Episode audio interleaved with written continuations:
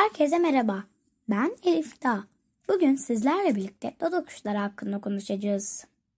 Dodo kuşları Hint okyanusundaki Mauritius adasında yaşamını sürdürmüştür. Yaklaşık olarak 350 yıl kadar önce nesilleri tükendi.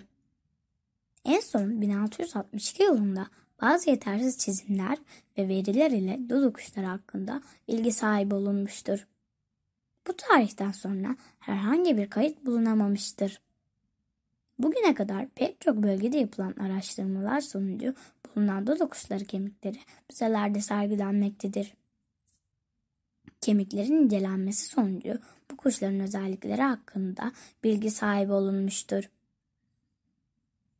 Yapılan incelemelerde dodo kuşlarının Ağustos ayında yumurtadan çıktıklarını gösteriyor çok kısa sürede yetişkin boyutlara ulaştıkları biliniyor.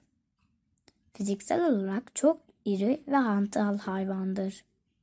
Bölgelerinde yırtıcı hayvan olmadığı için kaçma içgüdüsü kazanamamışlardır. Yumurtalarını yüzeye yakın yerlere bırakmaktadırlar.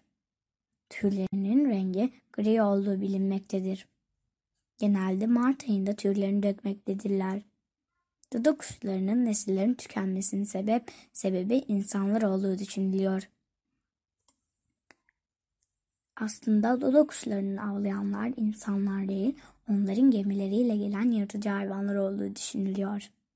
Ayrıca dodo kuşu, kuşları yumurtalarını yüzeye bıraktıkları için kolay avlanmışlardır. Beni dinlediğiniz için herkese teşekkür ederim.